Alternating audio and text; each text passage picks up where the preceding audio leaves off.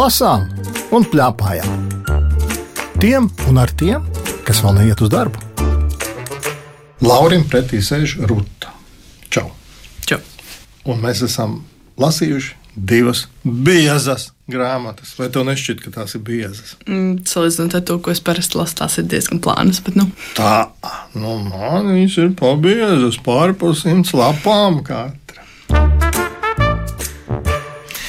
Pirmā grāmata, kur mēs esam abi lasījuši, tā ir Govs uz bagāžnieka. To ir sarakstījusi Ieva Samauska un zīmējums sazīmējusi Elīna Brasliņa. Es nolasīšu no aizmugures vāka, kas rakstīts. Ko darīt, ja tikko iepazītais draugs pēkšņi pazūd? Kas ir galvenais draudzībā? Mīlēt draugu no sirds un nekad nenodot, ir pārliecināta ukulele, roze, aksels un citi grāmatas varoņi. Bet, nu, uz bagāžnieka, kad tu pirmo reizi izlasīji to nosaukumu, kā tev šķita, kas tas ir? nu, man īsti nebija doma par to, kas tas varētu būt. No fantāzijas romāns, Apmēram tā, jā. apmēram tā. Viņš atbilst tam. Manuprāt, nosaukums liels atbilst grāmatai. Un kā tu noraksturotu, nu, kas tas ir par žanru? Mīlestības romāns tas nav. Noteikti nav. Tā varētu būt kaut kāda fantastika, jo nu, govs nevar braukt uz bagāžnieku. Bet jau uztaisīt li ļoti lielu dioritēni. Nu, varbūt. Bet šeit viņi brauc uz parastiem divriteņiem. Kā tu domā, kur tas notiek? Viss šī darbība. Viss Noteikti Latvijā. Latvijā. Bet, zini, man ar- tā kā gribējās Latvijā, bet tur piedalās Žants Bonds, Mērija Hemfrisa, Pols Volsons. Kas tie tādi par latviešiem? Un te pašā laikā viens vīriņš brauc ar dzeltenu žiguli. Nu, tas ir it kā Latvijā. Mani tas samulsināja sākumā, bet nu labi. Pēc tam es aizmirsu. Saki, Lūdzu, kā tev šita par ko šī grāmata vispār ir? Nu, man šķita, ka tā galvenokārt ir par to govas bagāžnieku, par viņas piedzīvojumiem un arī par viņas draudzību ar Rozu un Akselu. Nu, un ja mēs domājam, ka nu, būs bagāžnieki nevar būt, un vispār šī tā te nevar būt, tad mums tam noticēt, ka tas attiecās uz mums vai nē. Nu, es īsti neticēju, ka tas attiecas uz mani. Tā tad tu nevari iedzīvoties tajā rozē, ja? kas te ir tā meitene. Jo tur ir aksels un roze, ir meitene un pūļas. Viņas ukuleles. Ukulele ir gos, viņas draugi. Tu lāga nē. Ja? Mhm. Bet tāpēc ir garlaicīgāk vai nav? Vai ir interesantāk? Nu, bija interesanti sižeta pavērsieni. Mēs laikam varam šo to atklāt, ne? No tā sižeta, kā pilsētā parādās viena govs, kas brauc uz divriteņu un uzsēžās uz sešiem divriteņiem, un viņa dzīvo atsevišķā mājā. Un es laikam nosītu mazu gabaliņu, lai arī radio klausītāji dzirdētu, kā skan šī grāmata. Govs lūkojās viņos un klusēja. Māmiņa teica, lai es palieku šeit. Viņa beidzot bildi kā taisnodamās. Māmiņai nepatikt, ja es to neņemtu vērā. Viņa uz M visu laiku tam govs runā. Bet tu, tu ņem vērā abus steidzīgi iesaucās rozi. Gan māmiņa, gan mūsu. Piemēram, mēs tam nevaram pastāstīt, ka nu, tev vajadzētu būt drusku piesardzīgākai. Daudz cilvēku jūtas sabiedrēti par to, kas notiek ar riteņiem un velospēdiem. Tāpēc policija rīkos reidus, jeb ļoti skatīsies. Tev vajag uzmanīties, saproti? Nu, es tikai vizinos, iestarpināju govs, joprojām viņos vērdamās ar savām kastaņu acīm. Nu, citādi, ja tev atradīs, tad es nezinu, kas notiks. Pabeidz rozi. Es nevienam neko sliktu nedaru, turpināju. Govs. Bet tu salauzi riteņus, apgāz braucējus, un, nu, un tu, nu, tu rēkojies, iebilda Aksels. Rūta saka, ka ar viņu tas nevarēja notikt. Bet Govs vietā varētu būt kaut kas cits. Varbūt. Iespējams. Nu, piemēram, kāds tāds cilvēks, kurš uh, ir tieši tikpat labticīgs un naivs, kā ir šī govs. Tā varētu būt. Tā varētu būt. Kādu gabaliņu tu nolasītu? Un to, kā lēnām, kā palielinātā filmā, vērās vaļā govs mute. Taču gaidītā mūža vietā atskanēja kas cits. Lūdzu, piedodiet, negribēju jūs nobiedēt. Zemā reizē dobīt piepildītā balsī, atgādinot zvaigžņotu augusta nakti, kad tālumā un vilcieni var būt tā. Mērija jau vēlāk ienāca prātā, ierunājās gos, īpaši uzsverdama M un U skaņas, reizēm norīdama vārdu galotnes. Nu, jā, tas par to viņas runas veidu. Saka, lūdzu, ja tu nevari būt roze, vai tu līdzi vari just govī šajā stāstā ar visiem tiem notikumiem, kas tur notiek? Jo beig beigās, ja tie ir vairāk kā simts lapas, taču kaut kādiem notikumiem jānotiek, un tie notiek, Tad bija kaut kur tāda, oi, nedari to govs mīļā. Jā, tad, kad viņa devās līdzi veikala menedžerei, tas man nelikās pārāk gudri no viņas puses. Bet viņi to darīja, kāpēc? Kā tev šķiet? Tāpēc, ka viņa bija labticīga un ticēja, ka visi cilvēki ir labi. Bet tā nebija. Un tā nebija. Un saki, lūdzu, kā tev ir? Kā atšķirt? Vai ir tas cilvēks labticīgs, vai tas, ka viņš te uzrunā un saka, rūta mīļā, un tu tam tici, vai rūta mīļā, un tu nē, nē, nē, es tam neticu. Kā tu to vari izmērīt? Nu, es īsti nezinu, dažreiz ir viltīgi cilvēki. Nu, tāda savādāk runā, savādāk skatās, un tā viltīgāk. Ah, un tad uzreiz tā, ah, ar šo es nerunāšu tālāk. Ja? Nu, apmēram. Uh -huh. Jā, šajā grāmatā arī ir tāds veikala vadītājs, kurš ir tas viltīgais, ja? un kurš tik tiešām izmanto govi, lai, nu, lai pelnītu naudu. Tā teiksim, skaidri un gaiši, un arī ap to arī notiek daži dažādi notikumi. Saki, lūdzu, kāpēc šādu stāstu mums tomēr vajadzētu lasīt? Es teiktu, ka šis stāsts man personīgi lika aizdomāties par tām mm, dzīvnieku tām tiesībām, jo tur stāsts sākumā bija buldogs, kas atstāts pie mājas, un tad par viņu galīgi aizmirs. Tad nabadzīgs gandrīz nomira, un tas man tā likās ļoti tā nežēlīgi. Un govs, kā govs vien pats dzīvo mājā, tas to nemulsināja. Nu, ja govs var izdzīvot, tad uh, lai dzīvo Lai govs. dzīvo veseli. Skaidrs. Katrā ziņā, ja tu man pajautātu, vai es līdz pārdzīvoju kādam šajā grāmatā, jā, es laikam arī teiktu, ka es vairāk skatījos no malas. Un man šķita vairāk, ka, mm -hmm, jā, gos, to vajag darīt, šo nevajag darīt. Var jau būt, ka tā ir līdzpārdzīvošana. vai ne? Un arī šiem diviem jauniem cilvēkiem es arī spēju izsekot. Man gan laikam drusku traucēja, ka govs spēlē ukulēli. Kāpēc? Bija nedaudz apstulbinoši. Kā tev šķiet, kāpēc nu, tas mulsina, ka govs spēlē ukulēli? Nu, pirmkārt, tāpēc, ka govs parasti stāv uz visām četrām, tas nāk, vispār nav kur turēt to kuleli. Nu, te mums ir sazīmēta govs sēž. Nu, un, ja govs sēž, tad ar, ar tiem nagiem varētu būt diezgan grūti tīgas spiest, nu, š- nu tā kā strinkšķināt vēl tā, bet Lūk, tas arī bija tas, kas man šķita. Kā viņa var nospēst tās stīgas? Tā taču ir beig beigās ģitāra, kur ir jāspēlē. Bet var jau būt nemaz nav paskāda. Tāds jautājums domāt, lasot grāmatas. Kā tev ir tādas grāmatas, kur ir kaut kādas neticamas detaļas? Tev vedina domāt par kaut ko, to, ko tu zini savā dzīvē. dažreiz jā, bet tas ir atkarīgs no grāmatas. Tu vari nosaukt kādu grāmatu, kas ir bijusi, kad, oh, jā, te gan ir baigā fantastika, bet es domāju par savu dzīvi. Ja tā padomā, īsti gan nav, bet ir daži atsevišķi fragmenti, kas no dažādām grāmatām kopā saliktā. Ļoti tā. No tām rasnajām grāmatām, kuras tu lasi. Jā. Kāda ir beidzamā rasnā grāmata, kur tu izlasīji? Tās bija mēnesis kronikas. Kas ir mēnesis kronikas parakstu, vai es nezinu? Um, tās ir četras grāmatas, kurā ir modernizēta nākotnes versija par četrām dažādām princesēm. Tur ir pelnušķīta, salāta lapiņa, sarkana galvīte un sniegbaltīte. Viņas ir modernizētas un tā kā uz nākotni pārceltas, un tad tur tas tur notiek tā interesanti visādas lietas. Govs tur nebija. Nē, govs nebija. Pajautāsim tam tētim, ko viņš saka par šo govu pagājušnieku. Es laikam neesmu auditorija šai grāmatai. Man bija grūti viņu lasīt. Es arī godīgi sakot, viņu īstenībā neizlasīju. Sāku, sāku, bet tad es noguru un īsti nepabeidzu.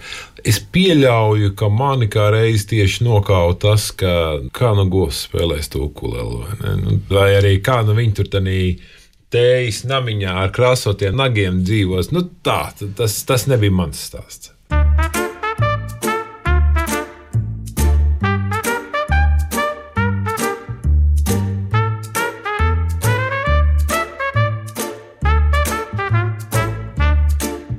Lasām un plēpājām. Tiem un ar tiem, kas vēl neiet uz darbu. Ņemam otru grāmatu. Varētu teikt, ka šis ir pilnīgs pretstats govijas bagāžniekam. Es piekrītu šim apgalvojumam. Vai ne? Izlasīšu, kas ir rakstīts uz aizmugures vāka. Meitene vārdā Zlata mācās 7. klasē. Ir 2022. gada pavasaris, kad sākas karš Ukrajinā. Skola un mācības paliek gluži vai citā dzīvē, un jāizdomā par izdzīvošanu, par kaut ko tādu, kas liekas nereāls mūsdienās un šeit, Latvijā. Grāmatas nosaukums ir Latvijas ceļš, tās autors Dzintars Tīlāks. Kāda bija pirmā doma, kad tu paņēmi rokā šo grāmatu? Nu, pirmā doma man bija, ka ļoti skaists apvākojums. Zīmējums un tas, ka tur ir tā zilā un zeltainā krāsa ļoti tā. Tu nevarēji tur iepriekšējā grāmatā rozi sajust kā pati sevi. Kā bija ar Zlatu? Nu, par laimi tā nav bijis, jo nu, mums Latvijā nav karš, tāpēc nav bijusi iespēja iejusties Latvijas sādā, bet es pieļauju, ka viņa jūtas ļoti drausmīgi. Bet, laikam, jau sekojot stāstam, mums bija iespēja pasakot un padomāt, ko es darītu. Dažas sižeta lietas uz vasarnīcu ar draugu Olenku, viņas mazo brāli, pārvācās Latvijā tajā laikā, kad notiek karš citur. Un stundas notiek attālinātas, kā tas pašlaik arī Ukrainā joprojām, diemžēl, ir. Un viņas tēti strādā citā pilsētā, komunālā dienestā un braukā. Un es nolasīšu vienu mazu gabaliņu. Cilvēki visapkārt nāca un gāja. Veikalu durvis virinājās bērni, niķojās pie alus kioska ārpusē jau bija nolikti divi stāvgaldi, un daži vīri nopietnām sejām lēnām dzēra alu no lieliem kausiem par spīti pavasarīgi drēgnajam laikam. Nemaz neizskatās, ka būtu karš, gandrīz līksmi teica Zlata. Karš vēl ir tālu prom, te nav, tāpēc te viss pa vecam, teiktajiem piebilda Olenka, lai gan tālu prom no viņas puses neizklausījās pārliecinoši. Mums ir tālu prom, vai nav tālu prom? Kā tu jūti to? Relatīvi pret zeltu mums tas ir ļoti tālu prom. Bet kā tu to jūti? Vai tavā dzīvē Ukraiņas karš ir tāda reāla lieta? Nu, es teiktu, ka ir diezgan reāla lieta un tā apbētinoša. Tētis nozūd, un tur ir tāda situācija, ka Zlata dodas meklēt. Un viņa viena pati nokļūst tādā pasaulē, kur apkārt šauja un staigā pretinieki. Tev bija līdz pārdzīvojums, kad tu sekoji viņas gaitām. Jā, man bija, un es ļoti uztraucos, vai ar viņu nenotiktu kaut kas slikts. Lai gan mēs jau vienmēr domājam, ne, ka grāmatās jau, nu, jau beigsies labi, vai šoreiz tā nebija. Nē, nu, tā kā tas bija sākuma daļā, es zināju, ka viņi izdzīvos, bet nu, varbūt kaut kas slikts, tāds traģisks notiks. Un tad bija jādomā par to, vai es ietu viens pats. Jā. Man bija jādomā ļoti stipri. Es domāju, nē, nē, nē, nē, nē nevajag, nevajag, nevajag. Nu, labāk pasiet, pagaidi, labāk pasiet, te pagaidi. Un viņa ņem un aiziet. Un uh, visu laiku šis ceļa stāsts, šis ir tas liels ceļa stāsts, kurā viņa iet un meklē tēti. Nolasīs kādu gabaliņu no grāmatas. Es paņēmu savu gabaliņu pašās beigās. Uh mhm. -huh. Tad Tikai tagad Zelta ar katru alpu pa īstam saprata, ka tālais ceļš ir noiets. Tā tad eh, tas, ko tu nolasīji, mums ir jāsaprot, ka gaiši beidzās, vai viņa gaiši beidzās tāpēc, ka viņa kaut ko saprata par dzīvi vairāk. Tas beidzās tā gaišāk, tāpēc, ka, lai gan viņa domāja, ka viņas tās ir nomiris Krievijas apšaudas laikā, viņš tomēr bija izdzīvojis un atgriezies uz Latviju, kurā viņa atradās. Un, uh, tas tā beidzās gaišāk nekā sākās.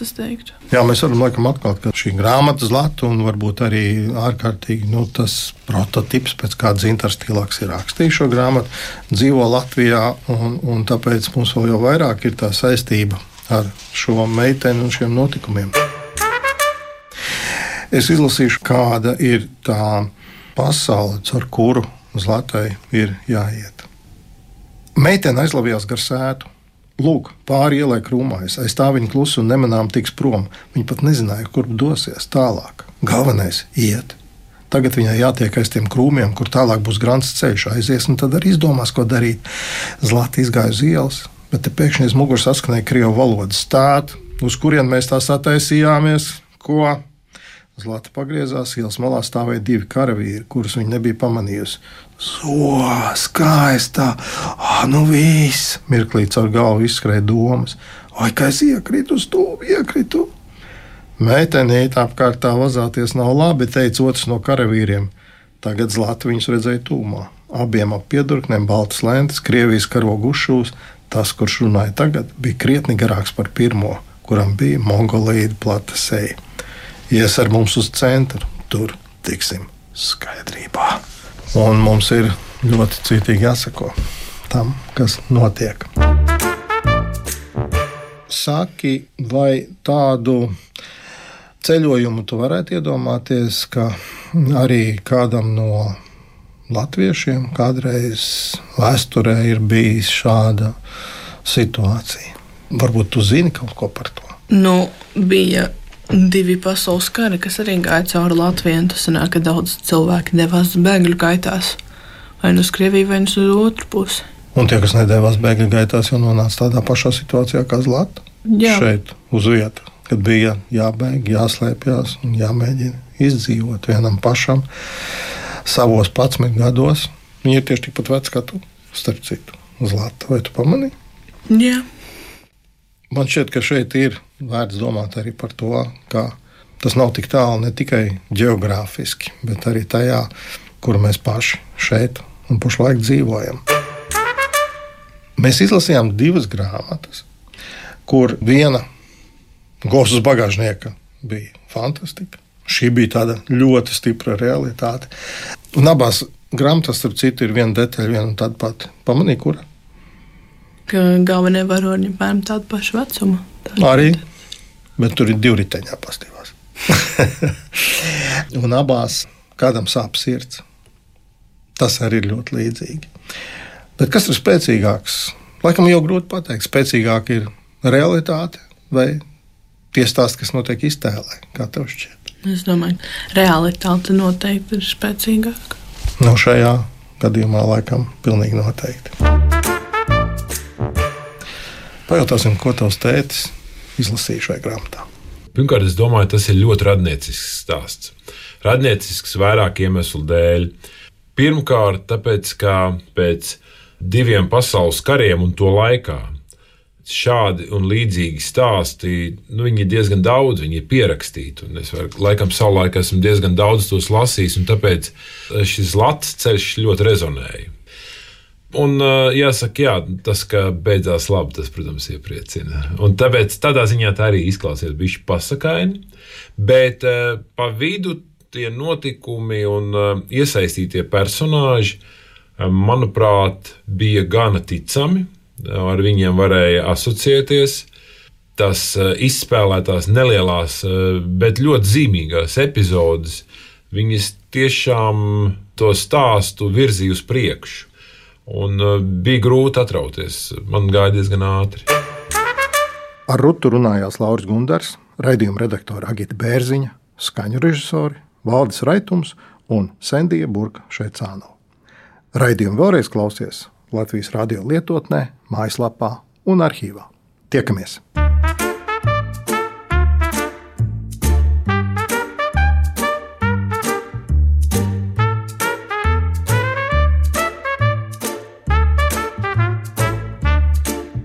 lasām un plēpājām.